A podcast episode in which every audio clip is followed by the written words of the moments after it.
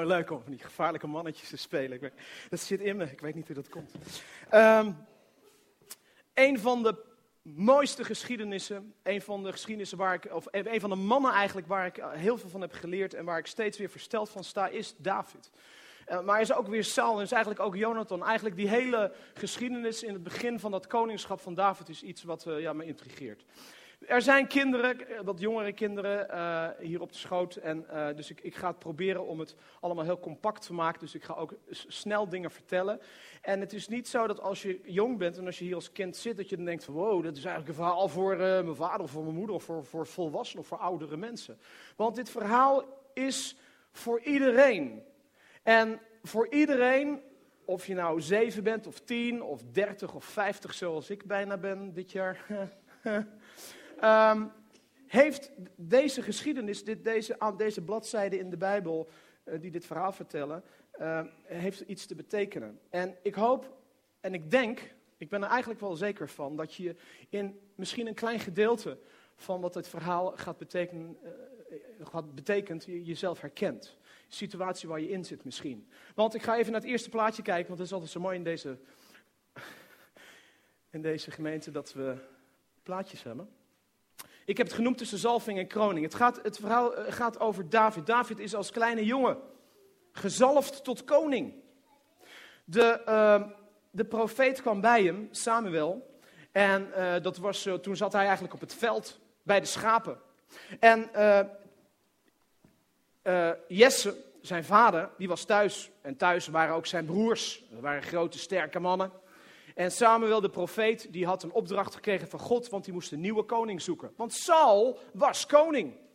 Maar Saul was niet zo'n, je hebt het gezien, leuke koning. Dat was een koning die was een beetje gestoord, laten we maar zeggen. Niet elke dag en niet ieder moment, maar toch wel een beetje vaak. En hij was begonnen als lekker ding, stoere man. Paar tattoos, paar piercings misschien, een lekker speertje en een zwaard. En dan ging hij met zijn rok aan, op jacht naar de vijand. En in het begin ging het best goed, maar naarmate die koning was, werd hij trots. Kwamen de verkeerde dingen in zijn hart en in zijn leven. En toen zei God op een gegeven moment, en nu is het genoeg, ik wil een nieuwe koning. Eigenlijk was het zo dat God in de eerste plaats, maar die geschiedenis hebben jullie al gehoord van Ludolf, een tijdje geleden. Eigenlijk was het zo, althans de mensen die hier waren, eigenlijk was het zo dat, uh, dat, dat Saul helemaal geen koning zou moeten worden, want God was de koning van de Israëlieten. Maar de Israëlieten zeiden, oh, wij willen een koning waar we naar kunnen kijken. Met een paleis en met geld en uh, met, met allerlei dienaren om, om hun heen. Nou, dat hadden ze namelijk afgekeken van de barbaarse volkeren rondom Israël. Want die hadden allemaal een koning die je kon zien. Een mens, die kon je zien. En de Israëlieten hadden alleen maar God, die konden ze niet zo zien. Maar die zorgde wel goed voor ze. Dat wisten ze wel. Maar ja, als alles goed gaat, dan wil je wel eens een verzetje, dan wil je een keer wat anders. Dan wil je iets waarnaar je kan kijken. Ja, dan wil je een mooie poster van een mooie man of een mooie vrouw. En dan denk je van, ja, kijk, dat gaat mijn koning worden, want dat is mijn idol. Kijk, wij hebben ook een koning. En dat wilden ze. En God was daar bedroefd om. Maar God zei, weet je wat we doen? We gaan het gewoon doen. En toen kwam Saul en dat ging verkeerd.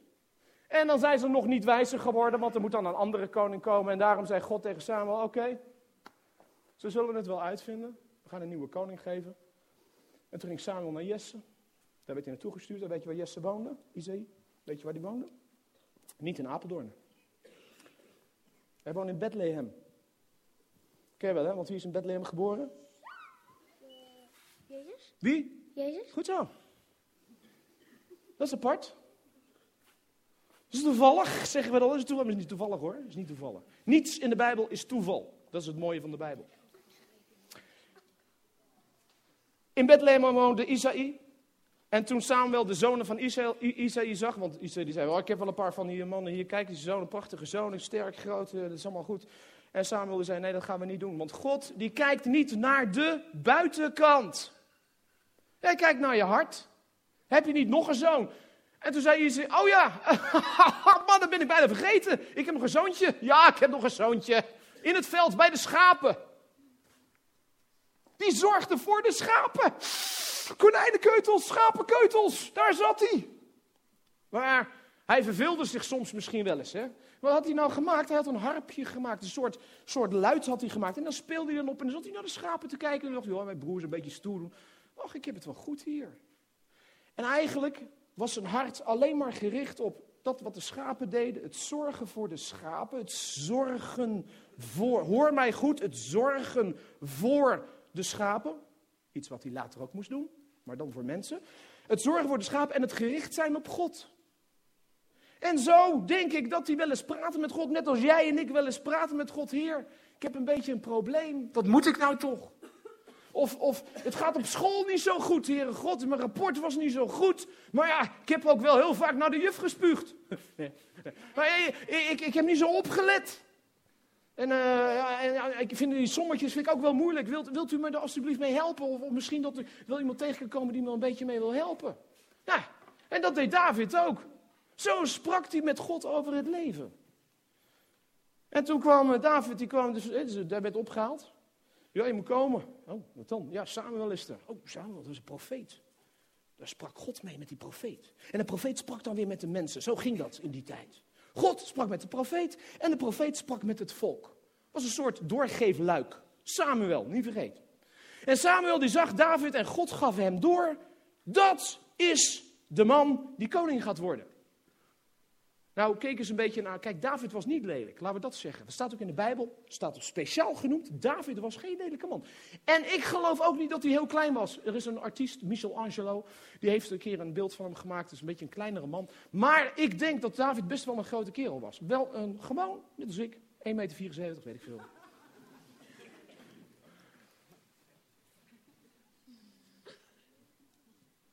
Je hebt nog nooit gelachen een dominee, zeker? Nee.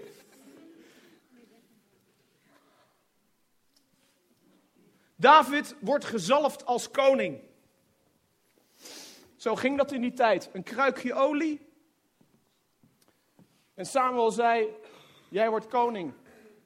En toen ging David weer naar het veld. En dan zat hij. Met zijn gitaartje. En hij dacht misschien wel van, eh, nou, dat is mooi zeg. Ik uh, had dat nooit gedacht. Ik had eigenlijk gedacht dat mijn broers carrière gingen maken, maar nu ga ik carrière maken. Hahaha. En hij dankte God misschien wel, want hij was best wel heel erg blij. Maar ja, het duurde een tijdje. Hij dacht van ja, nou ja, eh, de eerste dag, de tweede dag, de derde dag en de vierde dag. Er gebeurt allemaal niks. Ik, eh, er is geen feestje. Ik, ik, word niet in het paleis ingezegend. Eh, ik hoef geen belofte af te leggen. De ministers komen niet naar mij toe. Wat gebeurt er? En op een gegeven moment zei zijn vader, die liet hem ophalen uit het veld. En die zei toen, jij gaat naar je broers toe. Want die zitten in het leger van Saul. Die hebben honger, die ga je eten brengen. Zo ging dat. De families zorgden voor de soldaten die in het leger zaten. En toen hij daar kwam, en jullie kennen het verhaal, want Ruud dat heeft verteld, ik zie hem achterom naar me kijken. Toen hij daar kwam, toen uh, was Goliath, een grote reus, die was er. En jullie kennen het verhaal, hij versloeg Goliath. David, die geen enkel idee had van wat oorlog voeren was, althans niet tegen mensen, die versloeg Goliath. Met een klein steentje. Nou, de mensen waren euforisch, het was uh, prachtig. Die, die David, nou, dat was toch wat. En uh, David die bleef daar een beetje rondhangen. Hè. Dat, ja, zo ging dat vroeger. Er waren niet echt uh, dat je naar een bar ging of, ja, of dat je naar een leuke jeugdsoos ging of zo. Dat was er allemaal niet. Dus die, die, ik denk dat hij ja, met, wat, ergens daar bij de rotsen of in het veld, daar, daar hing hij een beetje uit bij zijn vader. En hij ging misschien een beetje heen en weer. En uiteindelijk kwam hij in het leger terecht als groentje. Maar die David die had toch wel een heel goed inzicht in hoe je oorlog moest voeren. Dus die versloeg met zijn wijsheid de vijand. En het verhaal begint eigenlijk, wat ik wil vertellen, want het bestaat uit zeven stappen. Dat begint hier. Want op dit moment denkt David nog steeds dat hij koning gaat worden. Hij heeft hoop. Al heeft het al een tijd geduurd, maar het is moeilijk, want Saul is zijn grootste vijand. Je zult maar Saul zijn en, dan, en weten, ja, het volk dat juicht voor David. En, en het volk wil eigenlijk David en ik moet eigenlijk vertrekken. En, en die Saul die werd daar eh, boos om en, jullie kennen het verhaal wel. Op een gegeven moment zit die, die, die David, die zit daar met zijn luid te spelen in het paleis. En dan wordt hij Saul die wordt ontzettend boos. En wat doet hij dan? Hij gooit met een. Met een speer. Net zoals hij die bijl gooide naar zijn zoon Jonathan. Want hij, was dat, uh, hij had het al eens uh, eerder gedaan. gooide hij de speer naar David. En op dat moment, en dat is heel erg, dat moet je goed onthouden, op dat moment zit David dus in het paleis. Eigenlijk is het zo dat hij zijn baantje tegenover hem ziet. God heeft hem beloofd, door Samuel, jij gaat koning worden. Hij zit in het paleis. Hij denkt, het is nog één huppeltje en dan zit ik op de troon. En dan is mijn carrière, kan niet meer kapot. Vrouw, kinderen, hond, leuke auto. Maar wat gebeurt er? Hij krijgt die speer naar zijn hoofd. En dan staat er iets heel opmerkelijks in de Bijbel, waar, waarvan ik dacht van dat is eigenlijk, dat, dat kwam, ik dan, als ik het verhaal las, kwam ik dat een aantal keer tegen. Dat, dat heeft toch een betekenis. Dan staat er dat David, die moet, wat gaat hij dan doen als hij die speer naar zijn hoofd krijgt? Dan? Dan duikt hij en na duiken gaat hij de voordeur uit of de achterdeur. Dan gaat hij vluchten. En dat woord staat in de Bijbel een aantal keer genoemd in deze geschiedenis. Namelijk zeven keer. Hij ontkomt of hij vlucht. Waar gaat hij dan naartoe? Dan gaat David, nou ja, waar zou je naartoe gaan als je uh, uit je, uh, je, baantje wordt ontheven op een uh, hardhandige manier? Dan denk ik dat je eerst even je koffer gaat pakken. Als je heel bang bent voor je baas, en zeker als je zo'n baas hebt als je net op het scherm zag, dan moet je maken dat je wegkomt. Dus hij gaat naar zijn huis toe en dan gaat hij naar zijn vrouw Michal. En Michal, dat is de dochter van Saul, want die, heeft die is getrouwd met David. Michal is zijn vrouw. En hij heeft Michal gekregen doordat hij de reus Goliath uh, vermoordde. Kop eraf.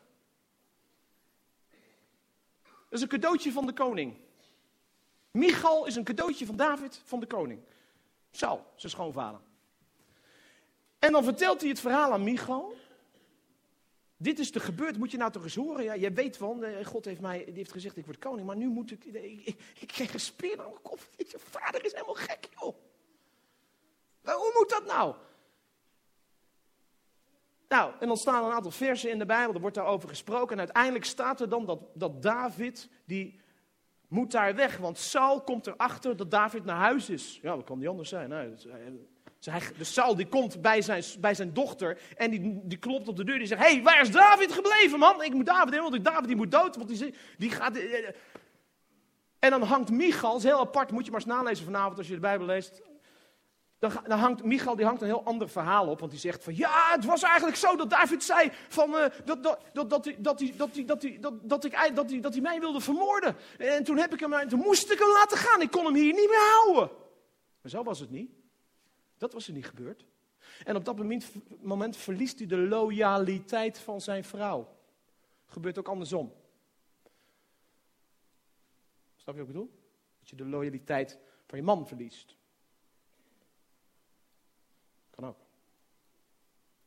Triest. Doet pijn. En dan gaat hij vluchten. Staat er weer. Hij ontkomt. Zijn carrière ligt in duigen. Ken je dat? Een beetje misschien. Als het op je werk niet goed gaat. ik ben niet zo'n dominee die dan allerlei praktische toestanden... Eh, je begrijpt best wat ik bedoel, hè? Zijn, zijn gezinsleven ligt in, in gort. Zijn vrouw kan die eigenlijk niet vertrouwen. En wat ga je dan doen? Nou, dat, wat zou ik doen? Dan ga je uh, bellen. Toch? Wil je nou? Ik heb een hele goede uh, alfa-groep waar ik naartoe ga. En daar zit een hele goede dominee of een goede, goede, goede man. Er zit daar een goede, goede, goede man en die, uh, die, die vertelt me altijd over God. En dan ga ik me mee bidden en dan is het goed. En dat doet hij ook. Hij gaat namelijk naar Samuel, want dat is zijn mentor. Is een soort mentor van hem. Die heeft hem ook gezalfd. Die heeft gezegd: Jij wordt koning. Nou, uh, lekkere koning zo. Ik ben mijn huis kwijt. Ik, ik, moest vluchten uit het paleis. Wat nou, koning? En zo zal hij wel naar Samuel zijn gegaan. En dan zal hij wel een beetje snikkend bij Samuel hebben gezegd: Jij bent me toch gezalfd. Ik heb zoveel meegemaakt. Ik heb een reus verslagen. Ik heb in het leger. Ik heb alles gedaan wat hij kon. En dan word ik toch nog, moet ik toch nog helemaal weg. Ik ben alles kwijt, ben mijn huis kwijt, ben mijn baan kwijt, ik, ik word geen koning. Wat is er nou, Samuel? En Samuel praat met hem, maar Samuel kan eigenlijk heel weinig voor hem doen. Want Samuel die heeft ook niet meer dan alleen maar de belofte van God. En die zal wel hebben gezegd, David, ik heb gedaan wat God heeft gezegd dat ik moest doen. Ik heb je gezalfd tot koning, maar ik heb geen agenda. Het enige wat je moet doen is vertrouwen op God, David. Ja, nou mooi hoor, zal hij wel hebben gezegd. En toen kon hij daar niet blijven, want de mensen van Saul die vonden uit dat, uh, dat David uh, bij Samuel was. En toen moest hij daar weg. En dan staat er in de Bijbel voor de derde keer dat hij moet vluchten. Dan heeft hij zijn carrière is kwijt, zijn huis is kwijt en zijn alfa-leider en zijn, zijn, zijn, zijn dominee is weg. En dan? Waar gaat hij dan naartoe? Wie weet het? We hebben het gezien. Hij gaat naar. Nou, wat zou jij doen? Nou, ik zou naar mijn vriend gaan. Ik heb een paar goede vrienden, een paar maar, niet zo heel veel. Dan ga je naar je vriend. Hij gaat naar Jonathan. We hebben het gezien. En dat is zo'n aparte vriendschap. En dat is waarschijnlijk hier wel eens verteld. Maar daar wordt in de Bijbel wordt daar, wordt, wordt daar met name over geschreven. En dat vind ik zo apart. Dat die Jonathan, die geeft David op een gegeven moment geeft hij hem zijn wapenrok en zijn wapens. En dat is een, is een symbool van innige vriendschap. Dat doe je niet zomaar. Wij geven een bloemetje. Vroeger gaf je je wapenrok of je zwaard als je vrienden was. En dat is nog niet alles, want er staat zelfs in de Bijbel dat ze elkaar een zoen geven. Ja, daar schrik je van. Dan weet je wat ze even slaap gevallen net. Je moet hem even wakker maken. Ze geven elkaar een kus, een heilige kus. En dan staat er, en het is werkelijk verschrikkelijk als je het leest, als je die geschiedenis voor je ziet, wat er dan met zo'n man gebeurt. Stel jezelf eens voor wat er met je gebeurt als je je baan kwijtraakt, als je niet meer thuis kan komen, als je, als je dominee zegt van ik weet niet wat ik voor je moet doen en je moet vertrouwen op God. En dan loop je door de straten in Apeldoorn of waar je dan ook woont en dan zeg je wat moet ik nou doen? Ik ga maar naar mijn beste vriend en zelfs daar moet je weg. Daar kan je niet blijven. David kan er niet blijven. En dan vindt er een heel toestand plaats met een pijl en boog. En de knecht die zegt, hij ligt verder. En dat betekent dat David, die moet dan maar weer weg. En dan moet hij, en dan staat er in de Bijbel, dan gaat hij vluchten. Hij ontkomt. En waar gaat hij dan naartoe? Het verhaal gaat verder. Dan is er eigenlijk nog maar één plek waar hij naartoe kan. Hij was al bij zijn alfa-leider geweest en dan gaat hij uiteindelijk en dat is een heilige plaats voor de Israëlieten. Dan gaat hij naar de hoge priester, Abimelech. En daar is de tabernakel. Ga ik allemaal niet uitleggen. Heeft ook allemaal weer een prachtig eh, verhaal, een geschiedenis. En daar bij die tabernakel, daar zijn broden en er liggen van allerlei voorwerpen. Symbolische voorwerpen die belangrijk zijn in de geschiedenis van het volk. En de belofte van God aan het volk Israël. De trouw van God. Maar daar ligt het zwaard van Goliath. Een enorm zwaard. En daarom zeg ik altijd, kijk, wij zeggen altijd, David was zo'n klein, was een beetje een kleine mooie man, zeggen we dan. Een beetje rossig en zo. Maar er staat helemaal, helemaal niet dat hij heel klein was. Dat hij schoon was van gestalte. En eh, hoe heet die, die man? Uh, Goliath. Goliath, dat was een flinke kerel. Die had een flink zwaard. Die had niet zo'n klein, zo'n klein prikzwaardje, maar gek. Die had een enorm zwaard, joh. En die kreeg David mee. Dat werd zijn zwaard. Het zwaard van Goliath. Nou, als je zo groot bent kan je echt niet zo zwaar tillen. Dus eh, laat staan en mee vechten. En het was niet zozeer dat dat zwaard iets was om mee te vechten. Ja, natuurlijk, dat werd gebruikt om mee te vechten. Maar het was eigenlijk in, in, in, in dit verhaal was het het symbool van de belofte van God. Dat God trouw was aan zijn volk. Want de reus werd verslagen. God had beloofd, als jullie in mij geloven, als jullie je hoop op mij vestigen, dan heb je geen koning nodig. Dan heb je geen idol nodig. Dan heb je geen zwaard nodig, want ik zal voor jullie strijden. En dat zwaard symboliseerde de trouw van God aan zijn volk. En dat zwaard, dat nam David mee. En ik denk dat als hij het zwaard in zijn hand had, toen hij ernaar keek, dat hij dacht van, ja, zo heeft God mij geholpen. En nu, eh, maar dat was toen, in mijn gloriedagen, in mijn aanloop naar het hoofd van de ABN. Of naar een ministerpost. Of naar een leuke invulling van een nieuwe job. En nou is het toch zoveel gebeurd dat ik hier sta. Ik heb alles verloren. En het enige wat ik heb is dit zwaard, dit symbool, dat God voor de overwinning zorgt. En het is de vijfde keer de zesde keer. Het zesde moment van zijn vlucht is het volgende. En dan zijn we er bijna.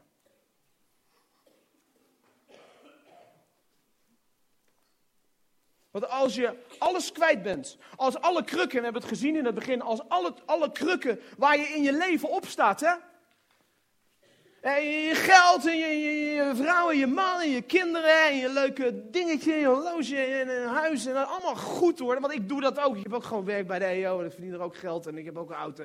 Weet je, ik heb dat ook al, ik snap het ook allemaal wel. Maar dit verhaal spreekt mij daarom ook zo ontzettend aan, want bij de EO gaat het ook niet zo heel erg goed. En daar moet je ook knokken voor je baan tegenwoordig. Dan moet je ook politiek bedrijven om je baan te houden. Dat is overal zo. Dus het is helemaal niet zo dat ketting hier staat en dat alles maar voor de wind gaat. Ik eens ruzie met mijn vrouw.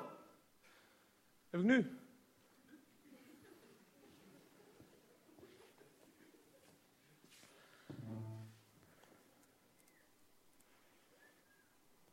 Ik heb vannacht met Caleb in een appartement geslapen van mijn stiefmoeder. Ik had ook niet gepland toen ik twaalf was, dat mijn moeder zou overlijden. Dat mijn vader weer opnieuw zou trouwen. Dat plan je niet. Het overkomt je. En ik weet wel, dat verhaal van David is allemaal hele, hele zware dingen, maar, maar vul het dan zelf maar in. Vul zelf maar in wat je in je leven verliest. Vul zelf maar in waar je op steunt. En het is lekker en je hebt het nodig. Ik zeg altijd, ja, een concert en, en, en een preek, ja, als ik in het land ben en ik bereid iets voor, dan ben ik bijna twee dagen bezig. Dat kost geld, ja, dat kost geld gewoon. Want ik moet ook de schoorsteen moet roken. Ik moet ook mijn rekeningen betalen. Maar als je het kwijtraakt, wat doe je dan? En dat is het verhaal wat ik vertel. En daarom spreekt mij dat aan, omdat dit hier, wat er in de Bijbel staat, hier, dit, dat is ontzettend praktisch. En ik vertaal dat niet op mijn manier, want ik geloof dat God dit bedoelt in dit verhaal. En het laatste wat, wat, wat, David doet, hij, hij, in die tijd eh, ging het zo dat als je dus, ja, als je niet meer in je eigen land kon wonen en je werd daar gezocht, dan kon je, en dat is trouwens nu nog steeds zo eh, in de wereld, dan kon je naar een ander land gaan. En dan was eh, die koning of die, die, die, die, die, die, die, koningin of prins of prinses die dan aan de macht was, die gaf je een soort van, uh, ja, daar, kon je, daar kon je, kreeg je een soort vrijkaart. Daar kon je in dat land kon je, kon je wonen, als die goed gezind was. En het was natuurlijk zo dat iedereen wist dat die David Goliath had verslagen, maar iedereen wist ook dat Saul achter David aanzat. En hij komt dan bij die koning, Akish heet die koning. Geloof ik. Of was het in Akish? Akish heet hij. En uh, dat kon niet, kan je je voorstellen, dat kon niet met zo'n zwaard. Weet je, zijn ding is op zijn rug met misschien wel wat eten erin. En dan komt hij aan en, uh, en hij wordt, die mensen herkennen hem. Want wie, wie, wie, wie loopt er met zo'n zwaard rond door de stad? Hij. En dan zegt die koning, die zegt van, uh, tegen die mensen die hem bij hem wat hebben we hier? Oh ja, dat, dat, oh, dat is die da ja, David, die heeft onze grootste man verslagen. Wat doe jij hier? En David wordt dan bang met dat grote zwaard in zijn hand. En wat doet hij dan? Dan valt hij op de grond. En dan laat hij het speeksel laat hij door zijn baard lopen. Vroeger had je nog geen giletten. Maar de mensen lieten hun baard groeien. David had een baard en, en, en, en dat speeksel liep door zijn baard. En een van de, uh, ja, het, het is zo'n cultureel ding dat als je dat deed, dat, dat betekent dat je geen respect had voor de ander. Hij, hij, hij eigenlijk deed hij net alsof hij, of hij gek werd. Of hij een soort insult kreeg. En toen zag die koning, die zag dat, zo, dat, dat, dat toneelstuk van David. En die denkt van, ja, maar, sorry hoor, jij, uh, hij, hij, hij, mag, hij mag Goliath hebben verslagen, maar uh, ik heb nog nooit zo'n zot gezien. Hé hey mannen, zie je dat? Dat is die David waar iedereen het over heeft in Israël. Daar zijn wij nou zo bang voor. Nou, zou je zeggen, ik ben niet zo bang voor die man hoor. Eigenlijk, ik ga hem niet eens doden.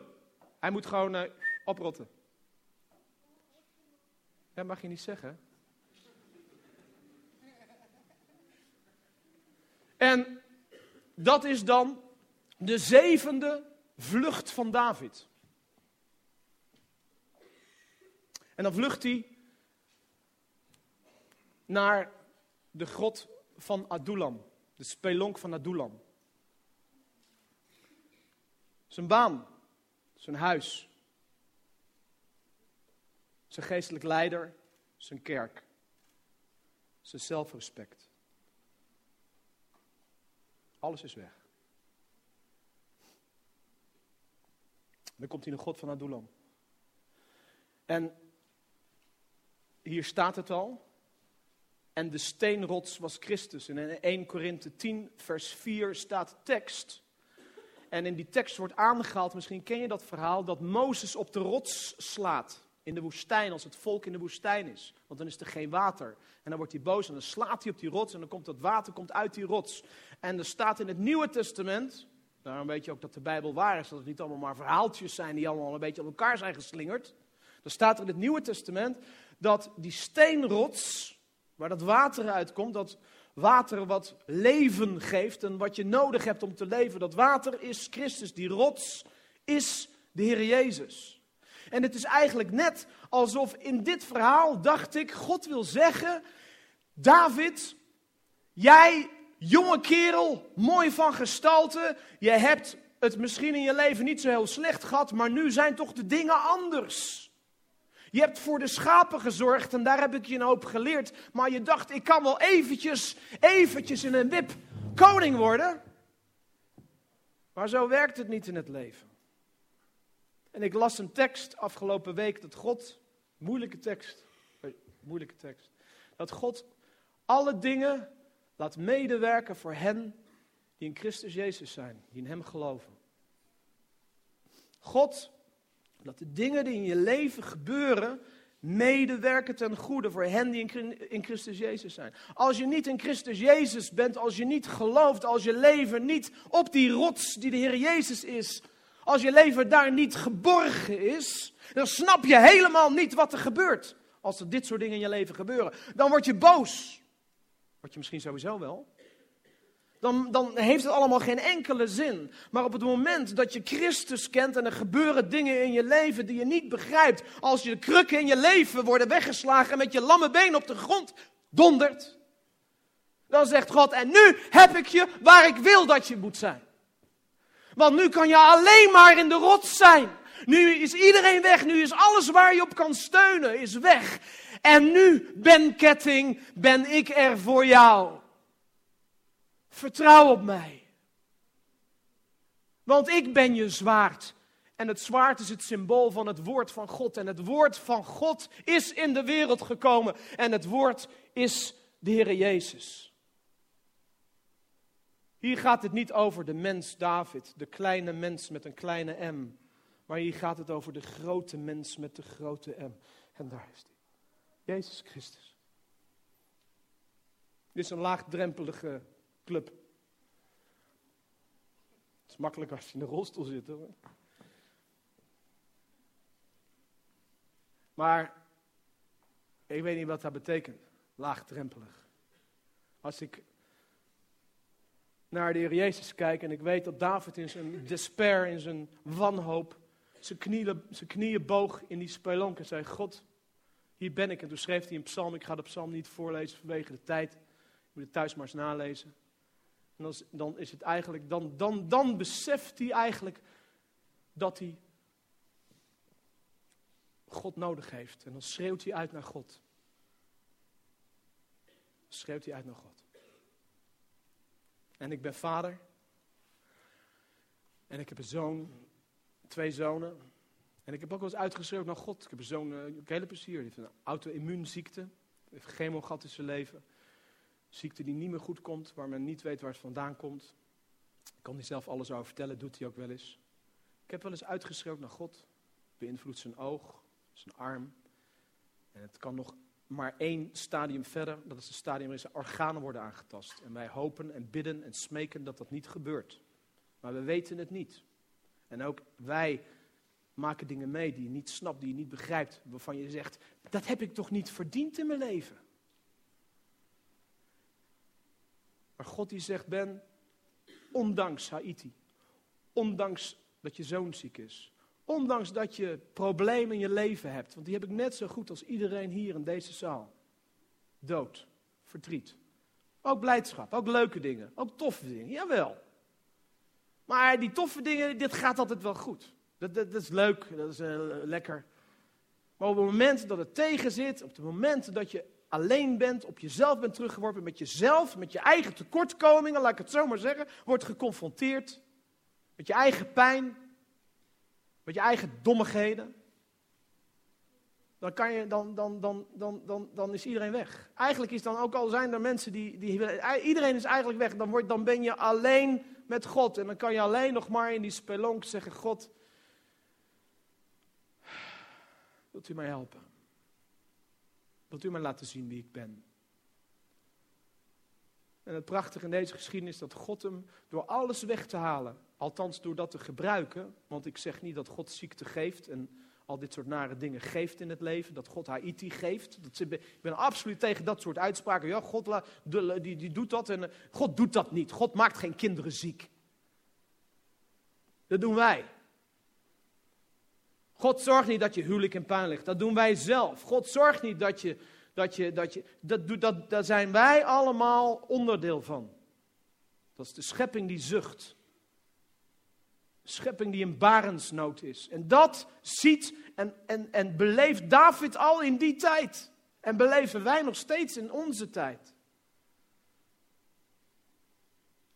Het leven, en daar wil ik me afsluiten, is niet dat je zegt van, nou, uh, ik ben aan het leven om uit te vinden wat mijn talenten zijn en wat mijn gaven zijn en wat mijn dit zijn. En, weet je wat het leven is? Is alles afleggen en worden zoals de Heer Jezus.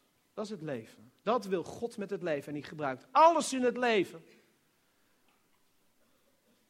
om te laten zien wat we moeten worden als Christus.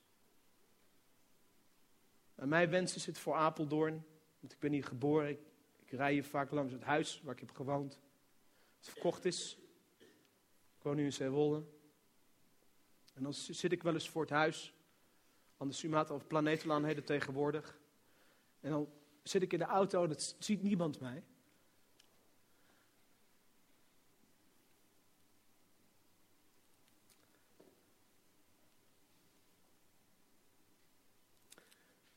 En dan zie ik mezelf op mijn knieën liggen. Voor het hekje. En mijn vader die zit naast me. En heeft een pot carboleum. En dat is de hele straat, drie, vier straten verderop zitten de mensen te schreeuwen, wat stinkt het hier?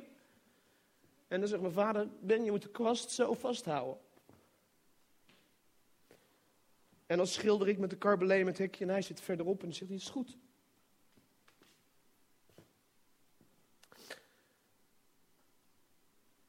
En hij is er niet meer en mijn moeder is er niet meer. Het huis is er nog wel, maar we wonen er niet meer. En dan denk ik, en het is toch iets waar ik op heb gesteund en het was zo goed. Het voelde zo goed. En God zegt, dat mag ook, Ben. Maar je moet door.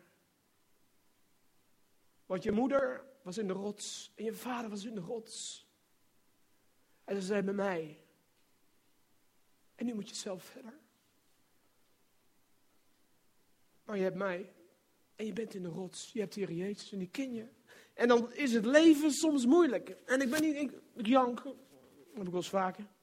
Hoe ouder ik word, hoe meer ik jank. Maar ik hoop dat je dit meeneemt vandaag. Dat we zoveel met elkaar kunnen meemaken. Dat je zoveel in het leven tegenkomt aan moeite, zorgen en leuke dingen. Maar dat dat al die dingen eigenlijk niet zo toe doen. Het enige wat in die end, aan het einde, telt,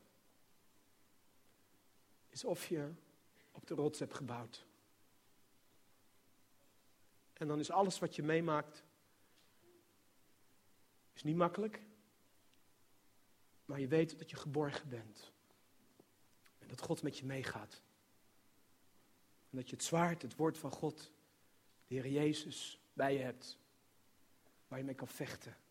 Die je beschermt. Die je troost. Die je hoop geeft. En misschien zijn dat wel woorden die je, waarvan je zegt, dat vind ik zo hoogdrempelig ben. Dat vind ik eigenlijk, daarvoor ga ik niet naar deze kerk hoor, om zulke moeilijke dingen te horen.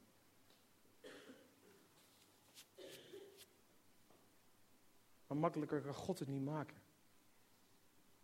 Uiteindelijk gaat het om het plaatje wat je net zag. Jezus die zegt, die krukken weg. Want ik ben ervoor gestorven. Ik ben er voor jou. En dat mag je zeggen tegen hem. Als je knieën buigt vanavond, als je terugdenkt aan de dienst, zegt Heer, Wilt u in mijn leven komen? Wilt u dat waar ik op steun weghalen? Wilt u laten zien wie u bent? Zullen we bidden? Laten we gaan staan. Laten we gaan staan.